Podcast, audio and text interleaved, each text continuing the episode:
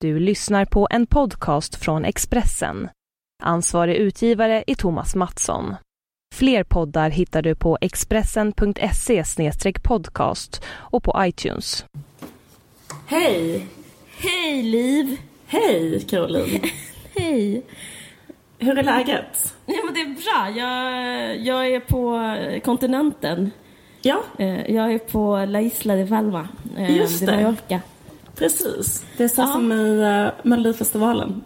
Uh, and now from the beautiful island of Palma. Nej men hur är läget på Palma? Ja men det är bra. Det är så jävla romantiskt just nu för det är eh, kanske för att det inte är sol. Sol är ju så himla sån fjäskig.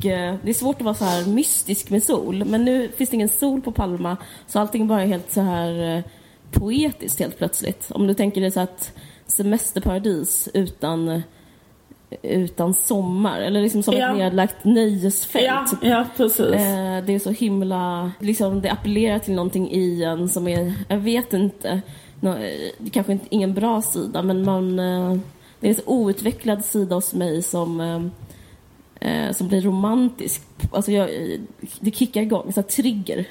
Det är som när uh, Mumintrollet vaknar helt ensam och det är plötsligt är det snö i Mumindalen och sånt där. Exakt, eh, precis. Ingen Och, är där. eh, Ja, typ att alla såna kärringar som är helt så här eh, sönderbrända, de har, får någon slags mystik över sig nu istället. De liksom blir intressanta och typ bär på en historia. Och typ, eh, fast de inte, och typ att det står Swedish meatballs någonstans blir också typ så här poetiskt. Alltså, apropå sönderbrända kärringar, det är ju lite... eh, jag tänkte på prinsessan Birgitta. Ja. Eh, när jag såg henne i Parneviks, det var ju fan, det var ju, det var ju, det var ju groteskt. Bra TV. Nej men jag förstår inte hur man kan vara så solbränd. Alltså jag har aldrig sett någon som har varit så... De var ju kolsvart. Ja, hon Eh. skiftar i svarta nyanser. Hon, ja, ja absolut, hon, hon, hon skiftade ju definitivt i... Eh, det såg ut nästan som att hon var liksom förkolnad delar av ansiktet. Ja. Det var, det var, fan, det var fan intressant. Alltså att ha solat så, så mycket. Det är inspirerande för det är typ så här att man, folk som, alltså det är det man kan ha på vetenskapen. Då kan man så plocka fram eh, henne och säga det är inte alls farligt. Hon ser ut så här och hon kan typ fortfarande, hon är fortfarande vid liv och hon är full och hon mår bra. Och alltså, eh, jag känner mig faktiskt eh, Ja, eh, Okej, du, känner, peppad. ja, du kände dig inspirerad till att... eh, Till att typ att, det, att saker och ting kanske inte är så farligt. ja, Eh, typ så här, det kanske inte är så farligt att röka. Sån känsla får jag när jag ser henne. ja, just det. Eh, för annars blir man så här rädd alltid om man bara lyssnar på typ läkare och lä läser typ så artiklar om så vetenskap och hälsa. Men om man ser henne, hon är liksom, hon går omkring där och bara, mår. Jag vet inte hur gammal är hon? 80? Och typ svinpackad hela tiden och eh, helt bränd Ja. eh, in, i- in i skelettet. Ja. Hur kände du? Vad var dina känslor? Ehm, ja, eh, nej jag vet inte. Jag bara tyckte att det var så här, eh, att det såg jävligt konstigt ut. Men det, men det, är, men, men det är positivt att du, att du kan se det som en inspiration till att sola.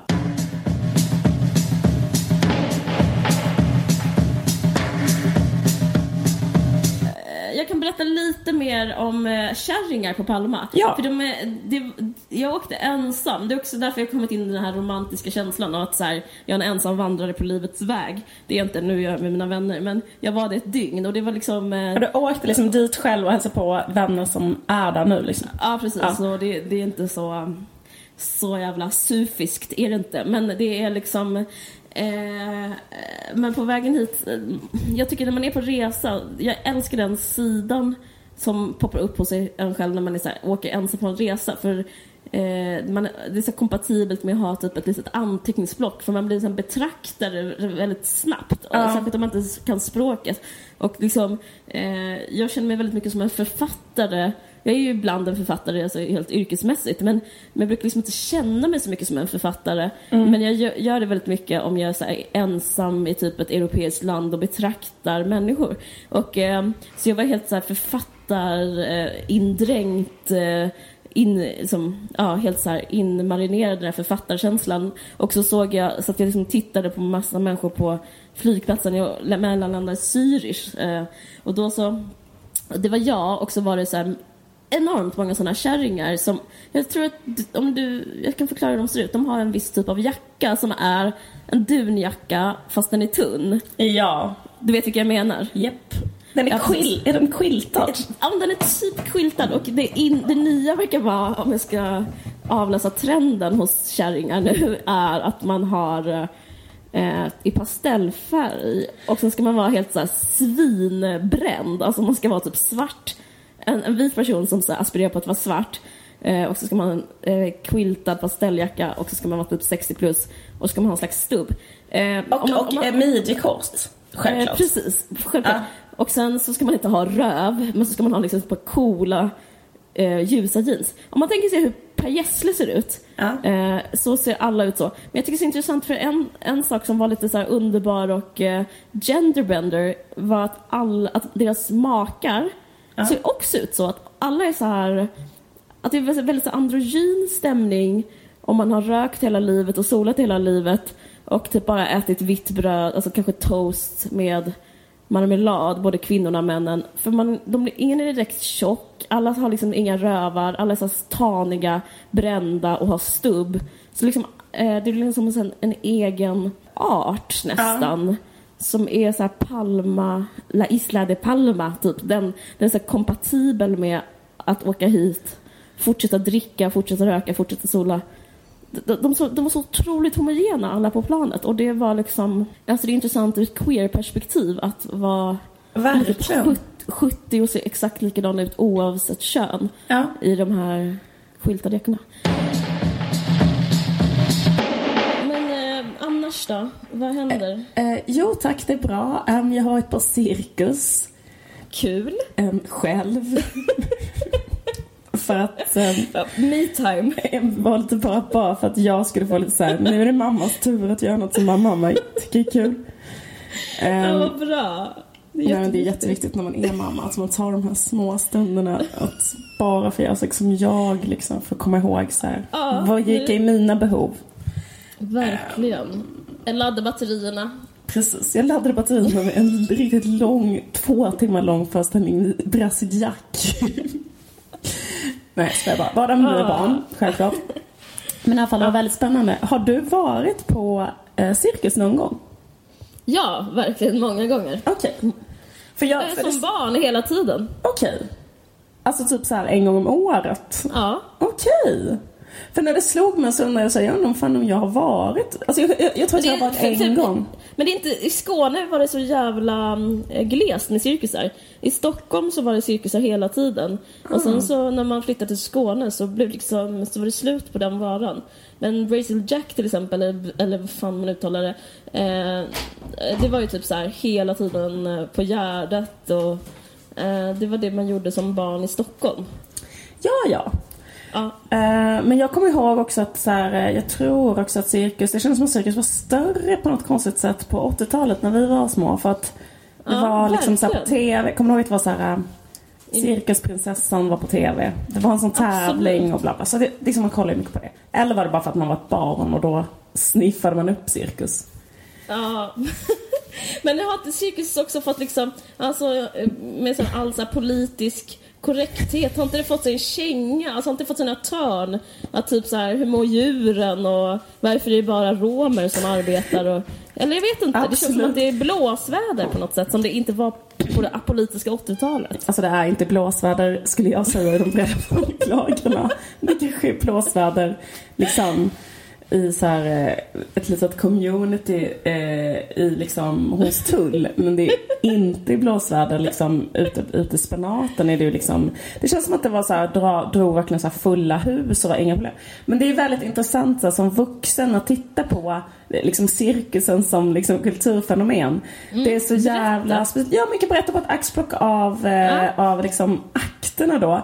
Till exempel en akt är att en ganska gammal tant med våfflat hår och stringtrosor kommer in och låter en liten jättegammal pudel hoppa genom en sån ring.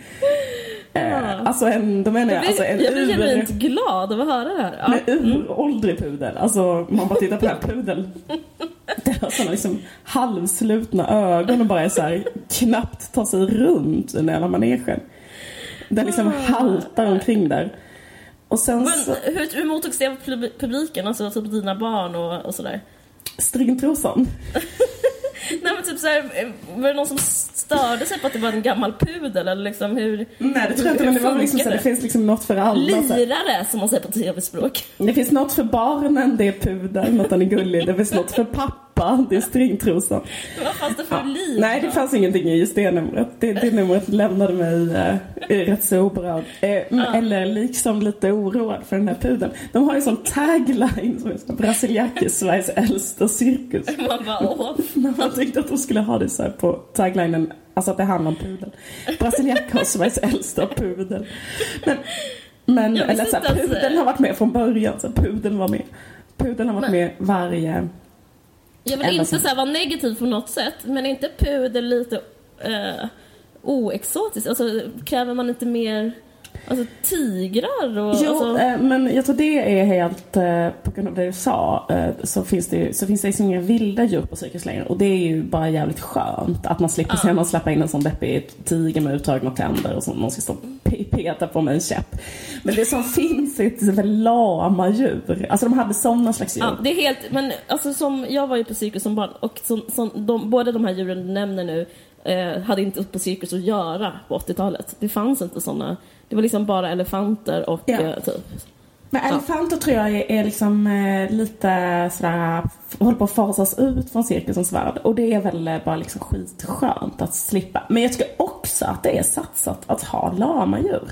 För att de turnerar ju runt. Tänk de här människorna som jobbar. Det är en jättestor apparat. Så, alltså, det är väldigt fåtal som är på manegen. Alltså, annars är det kanske typ 40-50 personer som bara jobbar med att bo i sådana husvagnar.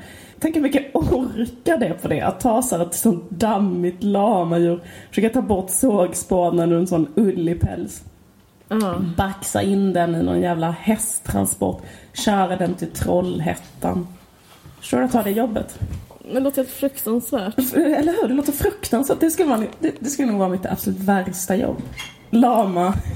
Lama transportör. Fast typ att det är nästan lika fruktansvärt att, vara, eh, att göra den grejen fast utan lamadjur. Alltså, jag tänker på musiker som turnerar. När jag tänker på, det är typ det värsta jobb jag kan tänka mig. Att man ska äta Snickers och sitta i en sån skåpbil.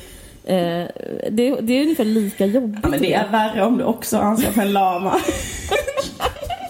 Laman kanske inte gör det bättre, men jag menar det är illa nog att man ska så här, bila så jävla mycket. Ja, men det är så, här, Ja. det är så jobbigt att liksom tänka sig att man har ansvar, ansvaret för lama. Men skit i det. Nu ska Ja. vi gå vidare. Ett annat nummer var Ja. eh, till exempel en sexig, en indianflicka. Alltså obs inte en etnisk eh, ursprungsbefolkning från USA. Utan en utklädd till en sån västerländsk fantasi om en sexig indianflicka. Okej. Som gungade på en trapets. Ja. Ehm, Med indianfjädrar typ, eller vad? Ja, precis. Så här utklädd till en sån... Alltså det var en blond tjej men hon var så här utklädd till Pocahontas typ. Eh, Det känner jag mig aggressiv det känner jag mig negativ emot, verkligen.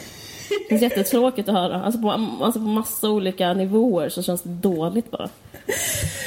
Men det var så här, det är som att hela eh, cirkusen är liksom... ehm, eller, eller liksom, jag, jag skulle säga liksom att det konstigaste inslaget Ja. det är ändå liksom ett väldigt vanligt inslag men som, så här, men som man blir så förvånad över när man är vuxen och tittar på det. Och det är det här inslaget att man bara tar in en massa hästar. Och Ja. låter de hästarna bara så springa runt, Runt, eh, runt in i manegen. Men lite pyntade hoppas jag. Lite... Absolut pyntade, de har ju fjädrar. Men man kan ändå ställa sig frågan det här numret måste ju härstamma från en tid när människor bara liksom tyckte om att titta på en fin häst som liksom galopperar runt. Jag vet inte. Det, det, är, liksom, det, det är någonting med alla, alla de här äh, inslagen på en cirkus som det, Ja. där man känner att det finns här liksom, det, det är saker som typ Vladimir Putin skulle tyckt om att titta på. Ja men jag fattar, ja jag förstår. Men Ja, jag... men det är väl att det finns liksom typ, eh, eh, de har typ paljetter och det finns en sån svag känsla av att de på något sätt så här bryter mot mänskliga rättigheter. Precis. Ja, den, den typ av fest. Det är typ en kombo. Eh, jag känns som de som jobbar på cirkus är slavar, typ. Känns det inte Det så? känns så. Ja, Ja, det är en ja. känsla. Men det, det, det, Det. Det är min enda källa. Som är, det är min egen känsla. Men jag vet inte. Jag Jag, jag, har också en annan källa som är att jag läste Katitze-böckerna som barn. De har kommit ut igen, där, ofrivillig reklam, men de har kommit ut igen, kan man läsa. Men då så utspelar sig de eh, på en cirkus. De, är, de åker omkring och jobbar på cirkus. Och då var det också bara så jävla vidrig stämning hela, hela, hela tiden. Att man var hungrig, att man jobbade, att man blev sexuellt trakasserad och ingen insyn och eh, typ djur som far illa. Typ. Att det är cirkus. Det är liksom att man har en så stark relation till cirkus på ett sätt också bara för att man har läst inom många skildringar. Det där är ett jättebra exempel. Alltså de där, de där Katitze-böckerna är ju en skitintressant, jättebra skildring av cirkus. Faktiskt. Ja, det- det är så här backstage liksom. Ja, precis. Men jag tänker också på så här att man har liksom en väldigt romantisk bild för att man har läst och sett så himla många cirkusskildringar. Har man inte det? Alltså det är så himla vanligt eh, tema liksom. Alltså Ja, typ jag så tänker mest att det typ i musikvideos brukar de ha typ en, paj, en, typ en gammal, för gammal cirkusdrottning som gör en sån som är så här sorglig. Jag tycker typ det är en kliché Christina musikvideo. Aguilera har väl det på något sätt. Ja men typ alla har det, det är musikvideokliché. Det borde verkligen förbjudas. Ja. Man borde göra så här cirkustestet istället för Bechteltestet. Typ.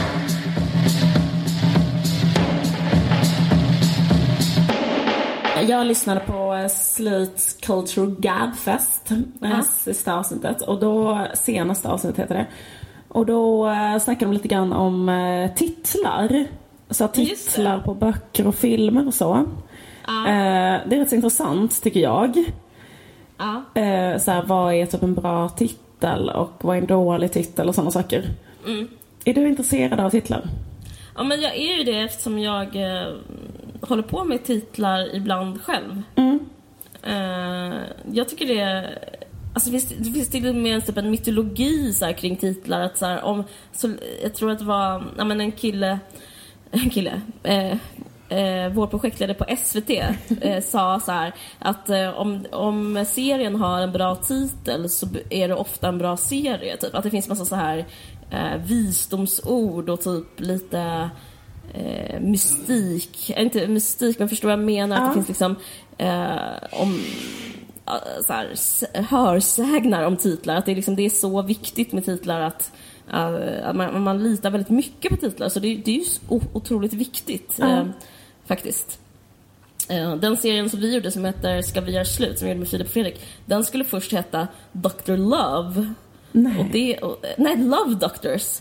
Och det skulle vara liksom så jävla konstigt. Att om man, för den serien blev ju så att människor bara bröt ihop och bara liksom eh, bara grät och gjorde jättestora livsval. Och så lägga på typ så här eh, Love Doctors skulle vara så himla ytligt och konstigt. Alltså det, Ja. det har, har jättestor betydelse liksom med vad man vill... Ja, mm, ja det har stor betydelse. Ja, verkligen. Ehm, absolut. Man tänker så att vissa saker hade liksom eh, typ lika gärna kunnat gått totalt åt helvete eller liksom inte alls fått samma typ av eh, genomslag ifall de hade liksom he- hetat någonting annat. Jag tänker på så här ehm, eh, för folk som läser alternativa serier eh, så finns det ju en eh, extremt så här, epokgörande svensk så här, alternativ indie-serieroman som är Hey Princess av Mats Jonsson. Eh, Ah. som handlar om så här, hur det var att vara i indie i Stockholm på 90-talet. Mm. Och eh, den heter ju Hey Princess då, efter eh, den här popsicle-låten. Mm.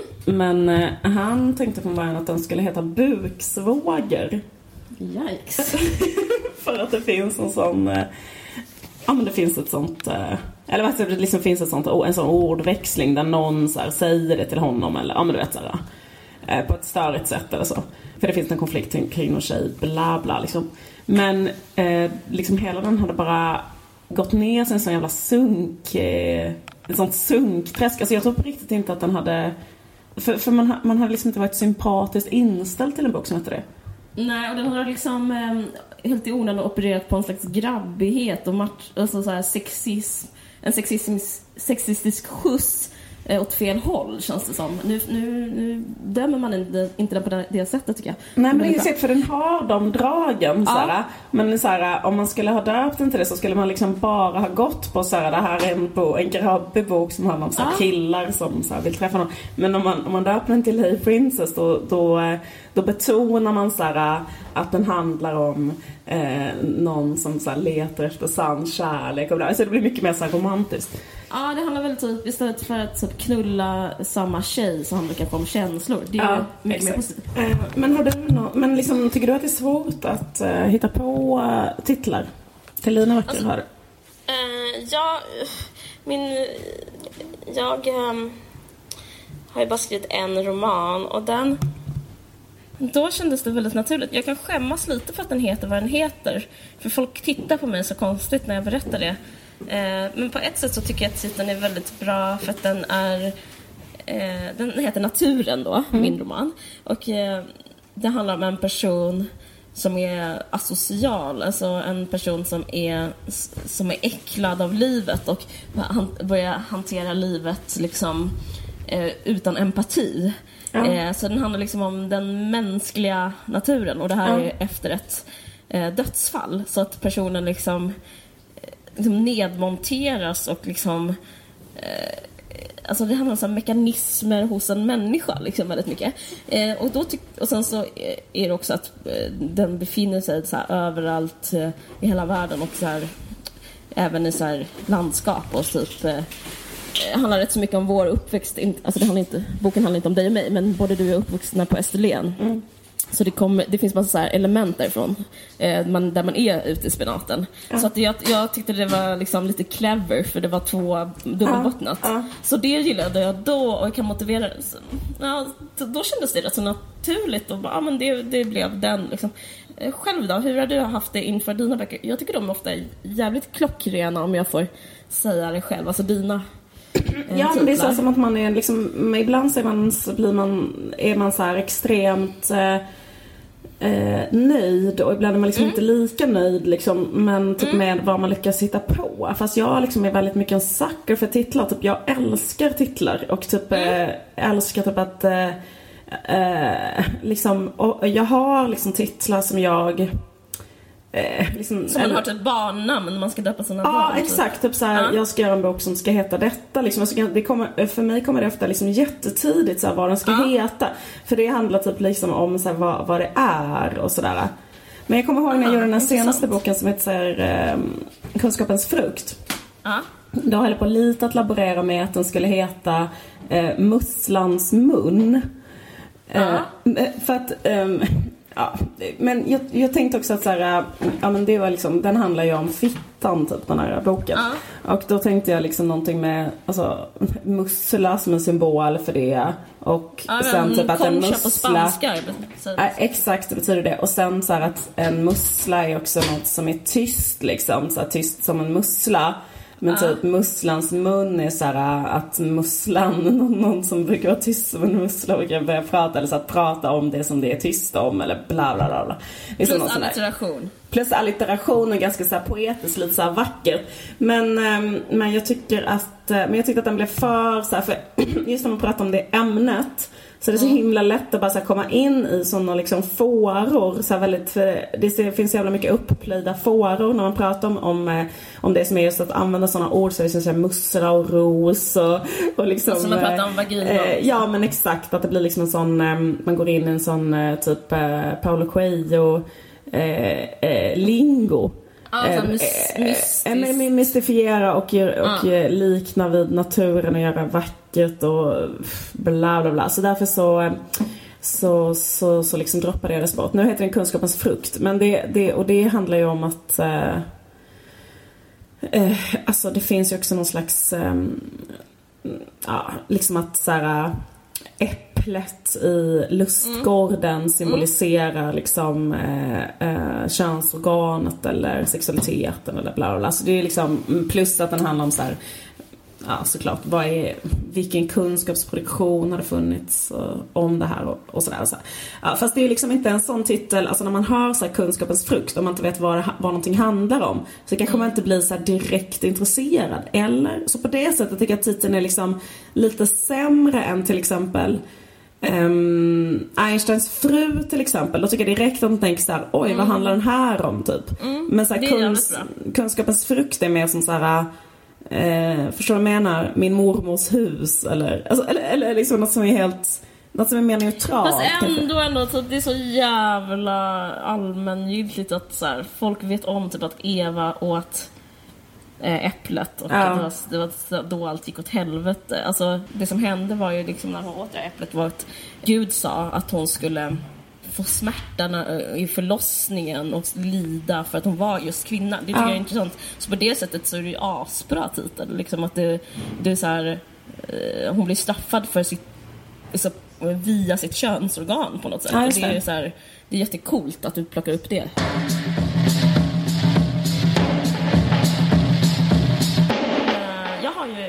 bok med en ny titel. Ja. Så, eh, ska jag säga vad den heter? Ja. Eller du vet vad den jag heter? Jag vet att du har haft en arbetstitel och jag hoppas att det är den. För ja. om du ändrar den så blir jag fruktansvärt, så tycker jag att det känns jättetråkigt. Men vill du säga ja. den titeln? Ja men jag kanske ska göra det för det känns helt okej. Jag kan ju ändra mig men ja. det är meningen att den ska komma ut i augusti så det är nog bra att jag börjar medvetengöra den boken ändå lite. Eh, men den heter Rich Boy. Mm, det, jag tycker det är en fantastisk titel.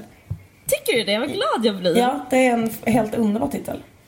Tack! Nej men jag tycker också den är bra och den handlar om rika killar och den handlar typ om hela, den handlar om kärlek och hela vårt samhälle och ja, man handlar så jävla många grejer men, men framförallt handlar det om att vara ihop med rika killar eh, som någonting som jag har mycket erfarenhet av och eh, det handlar jättemycket om så klass och sånt där men det är ju en roman. Eh, men jag älskar Rich Boy för det jag älskar på flera sätt. Dels så är det en hiphopartist som heter Rich Boy som är jättecool och bra men också är det en underbar, eh, jag har snott den här titeln, det är F. Scott Fitzgerald, han skrev en novellsamling. Den kanske heter den um, typ hmm, hmm, Tender is the night eller något sånt där heter novellsamlingen. Och där finns en novell som heter Rich Boy som är också så pissbra. Ja. Så, så um, och därför tog jag den titeln bara. Jag ja, vet inte om det är okej. Okay. Ja, det är klart att det är.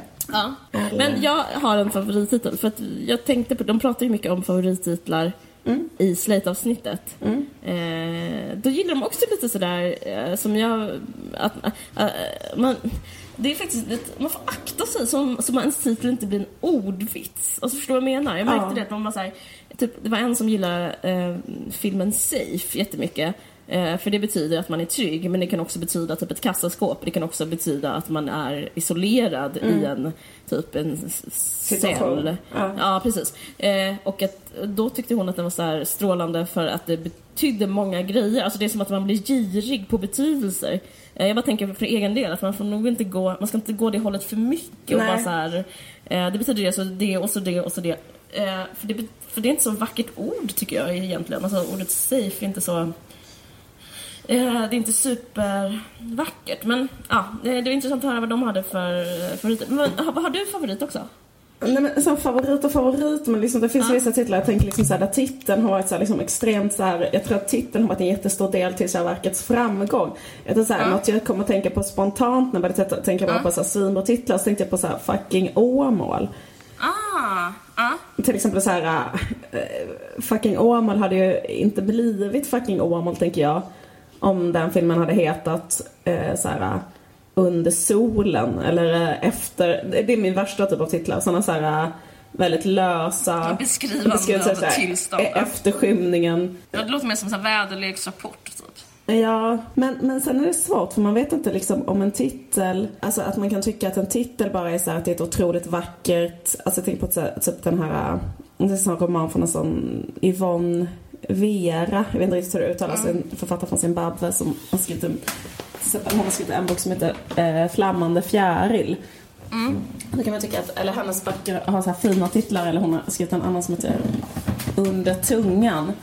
Eh, det är bara, tycker jag, så här vackra, att det är så jävligt vackra. Jag är också en sucker för eh, sådana där äh, allitteration och inrim och sådana där saker. Eller typ under tungan att det är U och U eller flammande fjäril att det är F och F och sådana saker. Att jag tycker bara att det är så här äh, vackra, vackert som mening. Men sen så är det ju någonting som är hur titeln liksom hur titeln lyfter eller sänker innehållet eller accentuerar. För ofta kan det vara liksom att titeln på något sätt ska också, som det vi snackade om innan med den här Mats Jonsson-romanen, att titeln mm. kan liksom göra så att det blir att boken handlar mer om en sak än om en annan sak. Liksom. Ah. Men eh, jag tänker också på vissa så verk där titeln gör att man förstår verket. Eller så, så är det ofta med ah. konst. Alltså, det, med ett bra, eh, eh, eller ett svintydligt exempel på det är ju eh, Louise Bourgeois sådana där eh, gigantiska spindelskulpturer.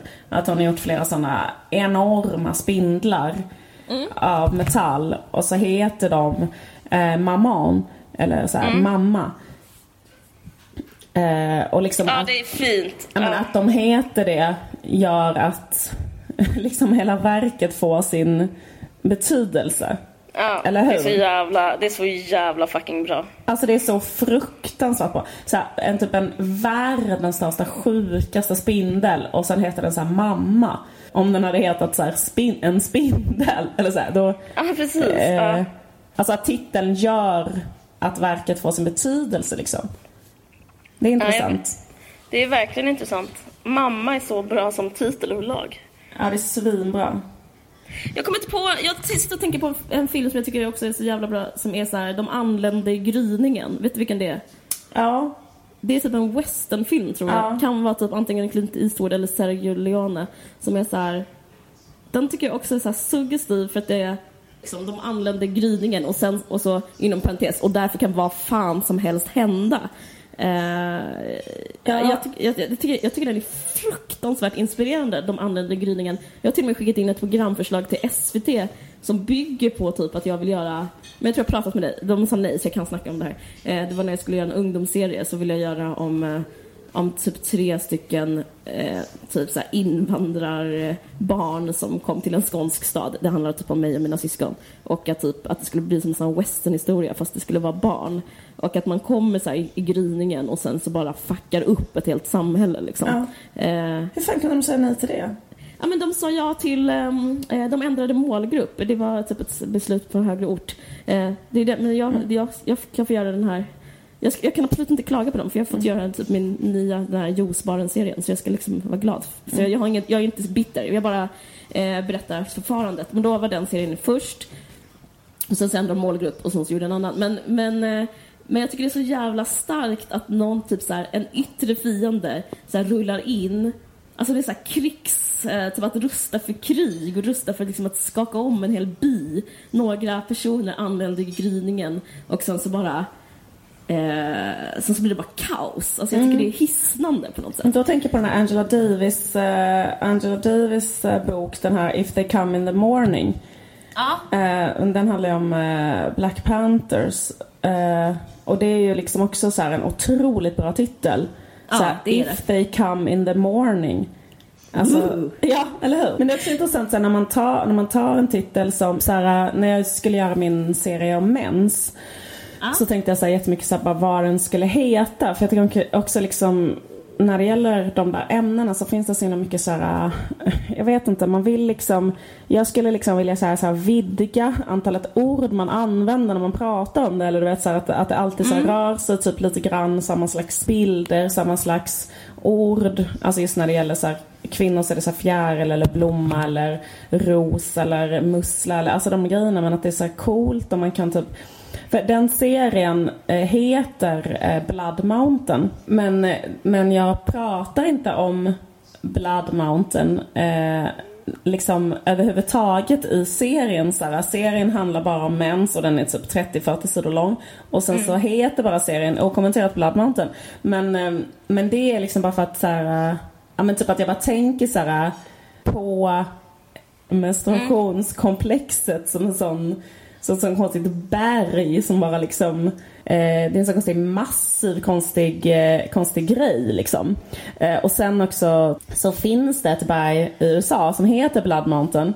Mm. Och, da, och det var typ så här, det heter det för att det var en sån jättesjuk strid mellan ursprungsbefolkningen och de vita så här, på det där berget. Mm. Mm. Men det är också känt för att en kvinna blev typ sexmördad där på 90-talet.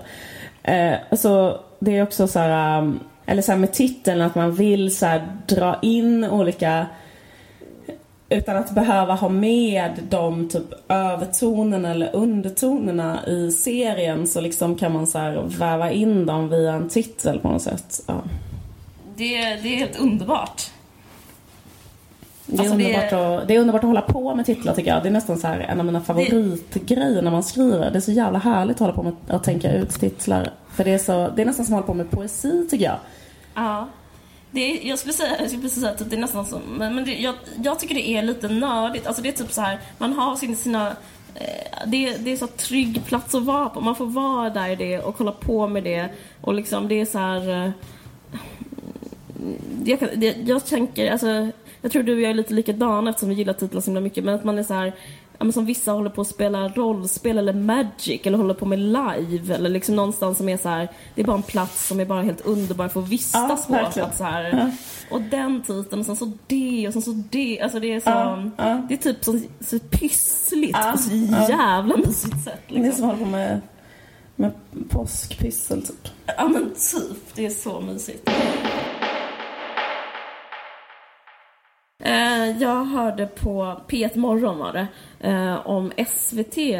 Jag älskar jag älskar att höra nyheter om SVT. Det är typ som att höra nyheter om mig själv eller så här, om min egen familj. Men det är eh, eftersom jag jobbar med de grejerna. Och, och det här är typ min favoritnyhet eh, som innan har tagit upp den togs upp av Feministiskt initiativ, eller nej, Feministiskt perspektiv heter den här nättidningen. Mm. Den, den, borde folk prenumerera på för den, den har typ svin lite pengar och de är asduktiga liksom. Mm. Men eh, skit i det. Eh, då hade de en grej som var att eh, 80% av alla regissörer och manusförfattare eh, på SVT Flow, den här nya kanalen som SVT har, är vad är de? Vad tror ni att de är? 80% är...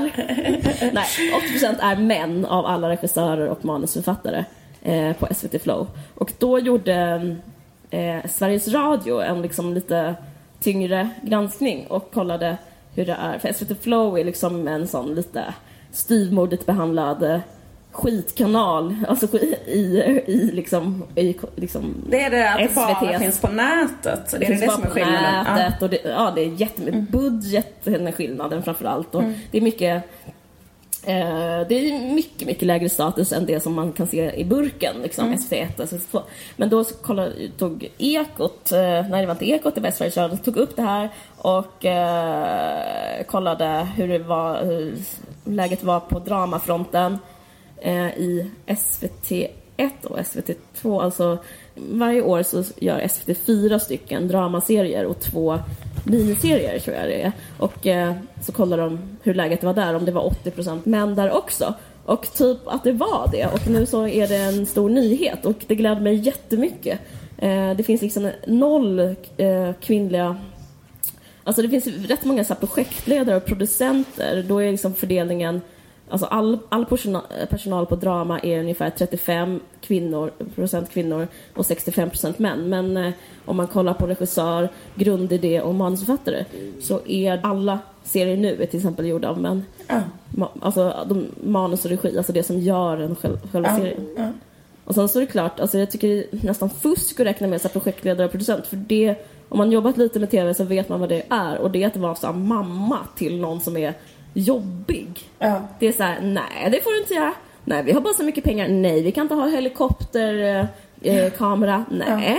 Eh, nej, du får inte det hotellrummet. Nej. Alltså det, alltså, producenten var... får inte bestämma så här, vad ska berättas, Precis. vem ska, liksom, vad ska sägas, vad är viktigt, vad, vilka berättelser eh, liksom, eh, nej, vilka finns i samhället. Så, jag vet inte om jag är för romantisk kring konst, men jag skulle säga ändå att man ska förändra typ samhället via konst och liksom via typ eh, TV, att man, hur man visar så här, hur människor är där har jättestor betydelse. Alltså jag tycker det finns en poäng med representation just inom konst på grund av så här, erfarenheter och berättelse och liksom gestaltning, att visa saker. Men, men det finns liksom inte på SVT nu. Och det känns så jävla deppigt. Ja. Men vad har de eh. sagt i sitt försvar då? Eh, Christian Vikander som är den som blir intervjuad säger att han inte känner igen sig i bilden. Men att han säger också att ja, de här 100 miljoners eh, budgeterna är väldigt svåra. Det är så väldigt stort ansvar. Och det är väldigt många eh, och det är- Kvinnor som inte är mogna att ta det ansvaret. Eh, Nej, det säger han faktiskt inte. Men att jag tror faktiskt också, inte för att låta som Lena Andersson, men jag tror faktiskt att det handlar om att kvinnor kanske inte tror att de klarar av en budget på 100 miljoner, vilket de, man klart skulle göra. Jag skulle kunna göra det lätt. Det är bara typ att dela upp pengar i en hög, eh, olika högar. Men grejen är att, eh, alltså man jämför typ så här den kvinnliga Tror de att tjejerna skulle bara ta alla de pengarna och köpa skor? smink. Nej men jag menar så här, det handlar ju bara, det är ju bara en självförtroendefråga typ. Det är väl ingen som, alltså alla de här yrkena är påhittade. Manusförfattare, eh, det är ett påhittat yrke, regissör också. Alltså det är inte som en sån eh, specifik kunskap som hjärnkirurgi. Det handlar bara liksom om man tror att man kan det eller tror att man inte kan det. Så det är så himla, det handlar bara om, om eh, personlighet och självförtroende skulle jag säga. Eh, Men han, han säger så här, jag känner inte igen mig i den här bilden. Jag möter gärna och pratar med de som har den här upplevelsen. Eh, Det är en, det är en eh, producent som Alltså har gått alla- ut jaha, anonymt. eh, Som Jaha. säger eh, så här. Ännu snedare blir könsfördelning om man bara ser till de som tittar. Man hittar på grundidén och huvudansvariga hur det ser ut. Huvudförfattare och regissör. Han, den här producenten som inte vill, eh, som vill vara anonym säger också att det är som ett styrelserum med bara män. Att så beskriver personen då dramaavdelningen på SVT. Då säger Christian Vikander att han inte alls känner igen sig men att han är redo att här, möta den personen som har den upplevelsen. Ja, ja, och typ tala den till rätta. Men om han vill möta den personen som har upplevelsen att all Möta drama den i görs i Sverige äh, Om han vill möta den personen som har den upplevelsen att all drama i Sverige görs av män, då kan han ju så här möta publiken, alltså oss tittare. Det är, så här, det, det är också min upplevelse och typ så här tre miljoner kvinnor. Ja, ja. Ja, men jag tycker Men det hoppas känns fan att de blir tvingade att skärpa sig. mysigt att det finns som nyhet. För grejen att det här är så här väldigt mycket åh fan på den här nyheten. Men jag tycker ändå så här, fan Att det är härligt mysigt att att, att Sverige, det sägs i Sveriges Radio liksom och, det, och då liksom, det formuleras som ett problem. Jag menar det här har ju varit så här alltid och värre innan. Alltså det blir ju bättre hela tiden. Mm. Ja, Eh, men jag vill blir det det? För att jag menar så här, om det nu är 100% män, alltså då... Ja men på så här, Ja, men jag fattar. Ja. Hylands hörnas tid. Alltså, Ja, ja. Gissa hur stämningen var då. Då var typ så här. Eh, ja men typ en sekreterare kanske var kvinna. Om hon typ var fuckable, om hon var doable var hon kvinna. Eh, men nu så ändå finns vissa kvinnor. Eh, så jag skulle säga att det blir bättre men jag blir ändå så här eh, mys att det är på, som en eh, problemformulering på Sveriges Radio. Men Det- också skärpning. Fucking skärpning om ni, ni, ni, är ni som lyssnar. Precis, Christian. Talking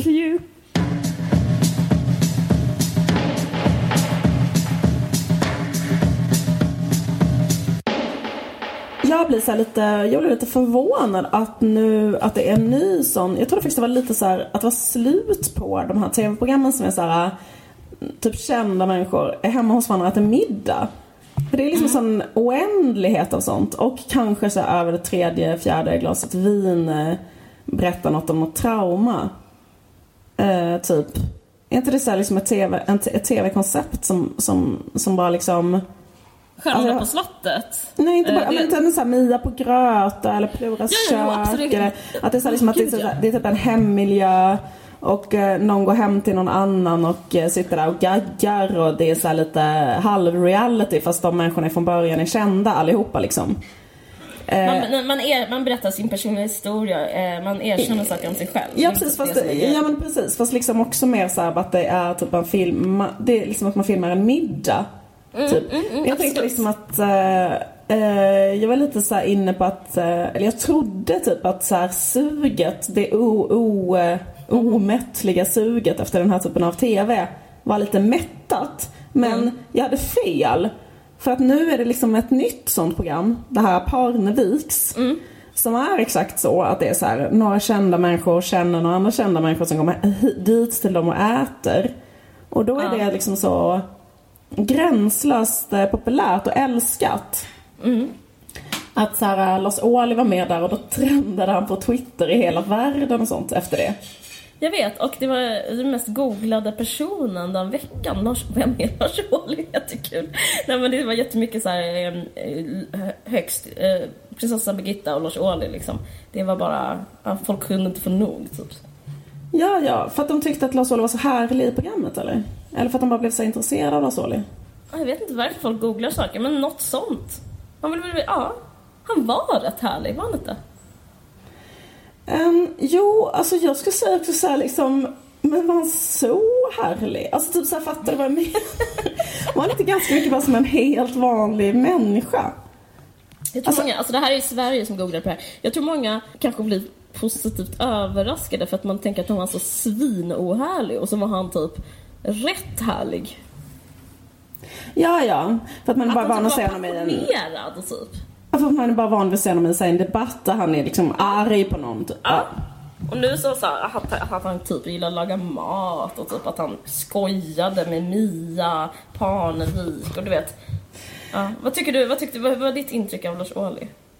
Um, nej men jag vet inte men uh, Ola, min kille Ola, sa så här. Uh, för då, det var någon som sa bara, är det inte så konstig kombination med Lars Ohly och Samir? Och då sa Ola så här. Uh, men är inte Lars Ohly och Samir samma människa? Förstår du vad jag menar? De har något... Du, du, du är kär om du tycker det är en bra spaning. Det, för jag kan berätta både för dig Ola, nej det är inte samma människa. Samir är typ en... Han var med på Paradise Hotel och ser helt annorlunda ut. Uh, ja. Nej men är inte det bara ytliga, det ytliga sättet att se på dem? För att, alltså typ att, man förstår vad jag menar med att de är samma person, typ att de är så här, bara liksom en fryntlig pajsare. Ja. Uh, alltså de är typ uh, såhär, Lars Ohly är liksom typ en hundmänniska. Typ så fort han får chansen så pratar han här, om hur mycket han älskar valpar. Så är Lars Ohly. Uh. Och liksom så lite rosenkindad och uh, det är liksom lik också Samir var såhär, ser livet på den ljusa sidan. Skrattar, gossar ner sig en golden retriever. Okej, okay, jag fattar du med. Jo men alla människor är väl så? Alltså vem är inte så? Ja, jag vet inte. Men typ så här. Äh, alltså jag såg ytterligare att... Nej, jag, jag, jag, det är kanske för att jag träffar för lite folk. Jag blir så jävla förvånad över hur människor är. Jag blir typ så här... Det är bara för att du är en kattmänniska. Allt det här handlar om det. Att du blir så... Du försöker så här subtilt kritisera hundmänniskor. Ja men precis, men det är kanske det att jag bara så här, jag ser någon som så här gläfser och flämtar och så här, är positiv till allt och bara sitter och kollar på någon och väntar på att någon ska kasta en boll som de kan springa och hämta. Och säger så här, vad fan håller ni på med? Liksom. ja, eh, okej okay, men jag fattar lite vad du menar. De var typ glada. Men, men, de var också, men det är typiskt gäst, det är att vara gäst också. Man försöker vara så glad och trevlig tänker jag. Jag vet inte, jag tycker inte Samir och Lars Ohly är samma människa. Eh, för de tycker ju också fundamentalt olika vad gäller skattepolitik till exempel. jag pratar om deras själ. Jag pratar ja, om samma saker som deras här inställning, deras politiska hemvist. Men eh, ja, precis, jag pratar bara om deras hemvist i djurpreferens. Ja. Djurriket. Eh, men du, du, eh, du varit imponerad av någonting hos Samir. Vad var det? Ja, jag, jag vet inte. Okay. Hans kropp. Eh, tatueringar. Ja, precis. Precis. Hur, hur gör man den så? Jag tycker att det är kul när han pratar om att han kände sig tjock. Det tycker jag var faktiskt bra. Det var nog det, var nog det bästa i, i programmet. Ja. Är, varför tyckte du det var bra? Jag tyckte det var intressant så här, för jag tycker ställen att man, eh, alltså, alltså man, jag tycker ställen man får se folk så här, visa svaghet på det där sättet. Typ att, att han är så här, åh nej jag vill inte ta med tröjan för att eh, Eh, när jag tar foton på mig själv på Instagram så försöker jag hela tiden se ut som att jag inte är så tjock och om jag tar av mig tröjan nu så kommer... Alltså grejen är att han är ju inte alls tjock, han är jättevältränad.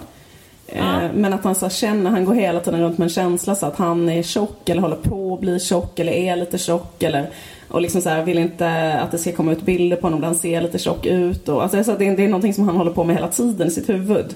Det där är ju någonting som jag tänker är så extremt vanligt, typ som att ha ögon typ, eller ha Nej, men så här, det är så är väl alla människor. Så men, man, människor. men man blir alltid förvånad när man hör att någon annan är så. Man bara va?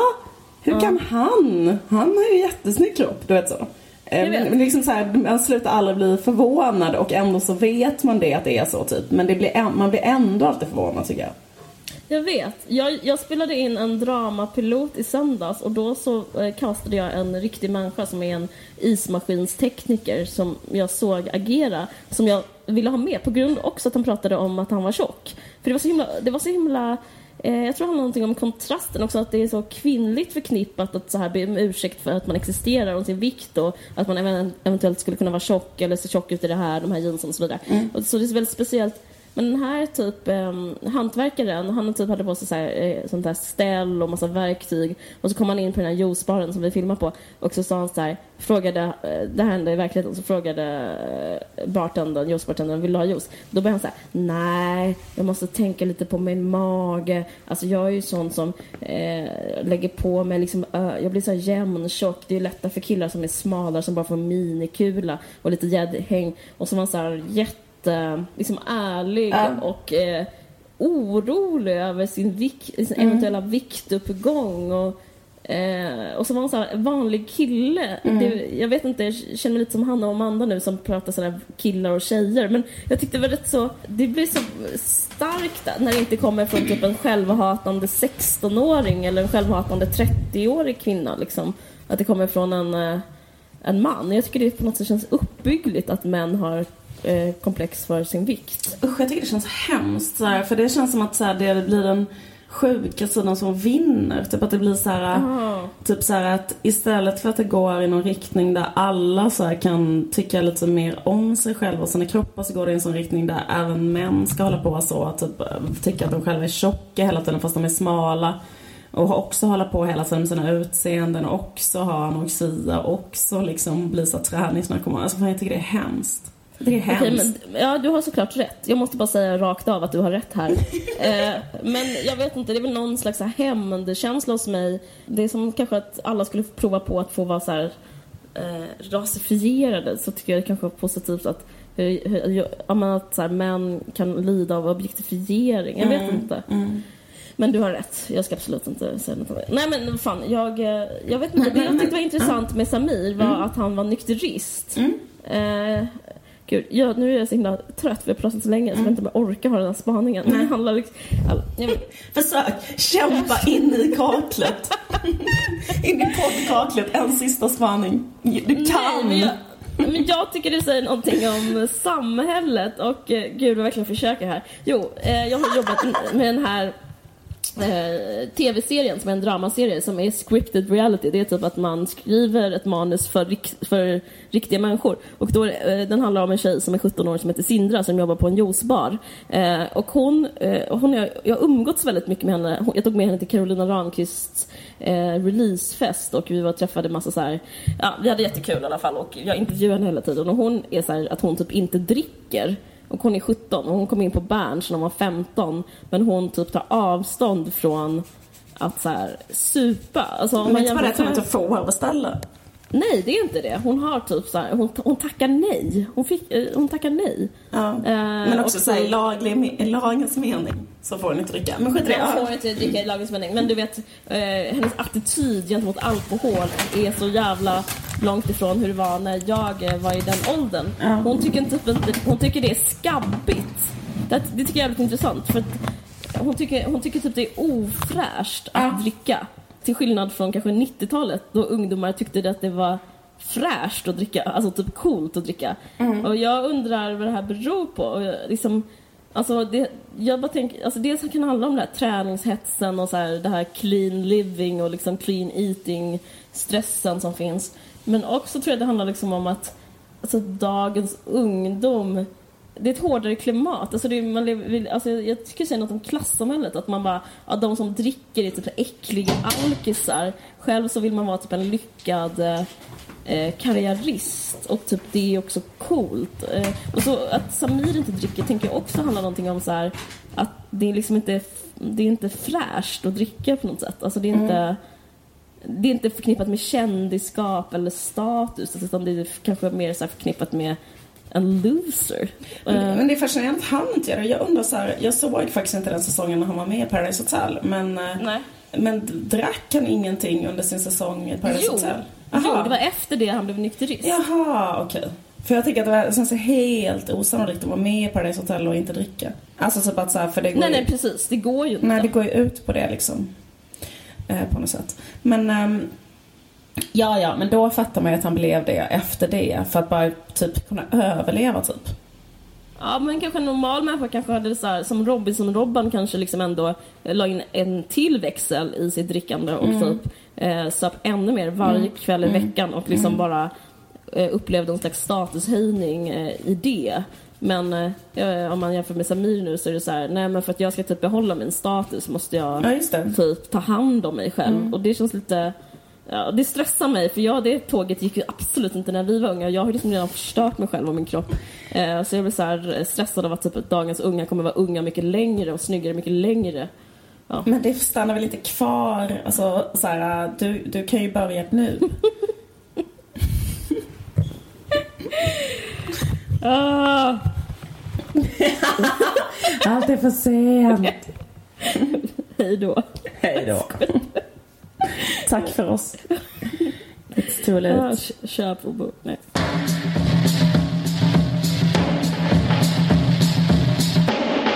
Eh, tack för att ni har lyssnat. Tack för att ni Eh, tack för att ni lyssnar. Den här podden görs i samarbete med Expressen Kultur. Och jag heter Liv Strömqvist och du heter Caroline Ringskog Ferrara-Norli. Ja. Ehm, vi hörs snart. Trevlig påsk. Glad, Glad påsk. glad påsk. Hej. Okej, hej då. Du har lyssnat på en podcast från Expressen.